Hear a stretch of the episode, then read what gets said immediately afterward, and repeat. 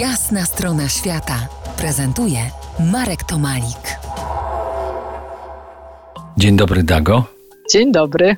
Po jasnej stronie świata Dagmara Bożek, polarniczka, autorka książek o tematyce polarnej, tłumaczka języka rosyjskiego. Dago, urodziłaś się w grudniu. Dobrze pamiętam? Dobrze, 8 grudnia. Zatem zimnolubność w dacie od urodzenia.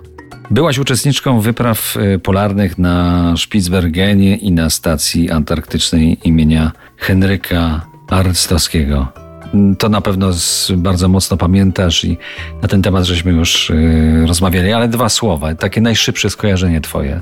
Najszybsze skojarzenie. No przyznam się szczerze, że akurat y, listopad, grudzień i styczeń to takie miesiące, kiedy co roku odbywają się rekrutacje na kolejne wyprawy arktyczne i antarktyczne, więc na razie nie składam papierów na żadną, ale obserwuję i faktycznie y, trzymam kciuki za tych, którzy są u wrót kolejnej przygody w regionach polarnych. Najpierw była strona internetowa Polarniczki, kiedy spotkaliśmy się po jasnej stronie świata pierwszy raz.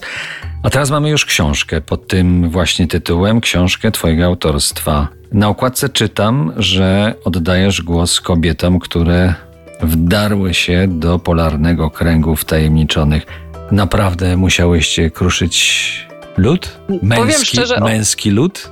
Od razu się tutaj uśmiechnę, bo akurat nota pochodzi od redakcji yy, i od wydawcy, więc ja nie miałam na nią za dużego wpływu, a że moda jest na to, żeby dużo pisać w sposób heroiczny, trochę moim bohaterkom tego heroizmu nadano. A muszę przyznać, że w czasie tych rozmów z kobietami w różnym wieku, większość z nich nie czuła potrzeby, żeby ubierać w taki kostium heroiczny, to, czego one dokonały i to, czego dokonują w regionach polarnych, ponieważ część z tych kobiet na bieżąco pracuje jeździ, prowadzi badania, czy to w Arktyce, czy to w Antarktyce.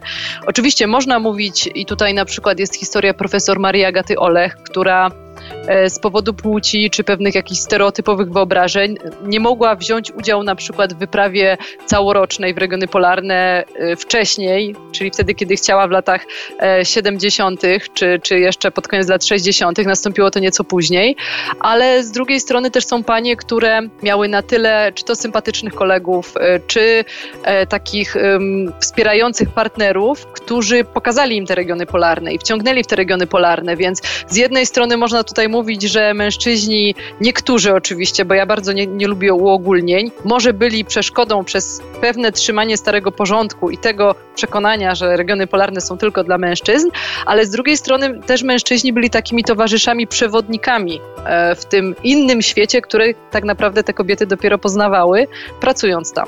Zatem był stary porządek, teraz mamy New Order, czyli nowy porządek. I o tym nowym porządku, który już istnieje od pewnego czasu na stacjach polarnych, y, blisko biegunów, y, porozmawiamy za kilkanaście minut. Wracamy do tej rozmowy. Zostańcie z nami.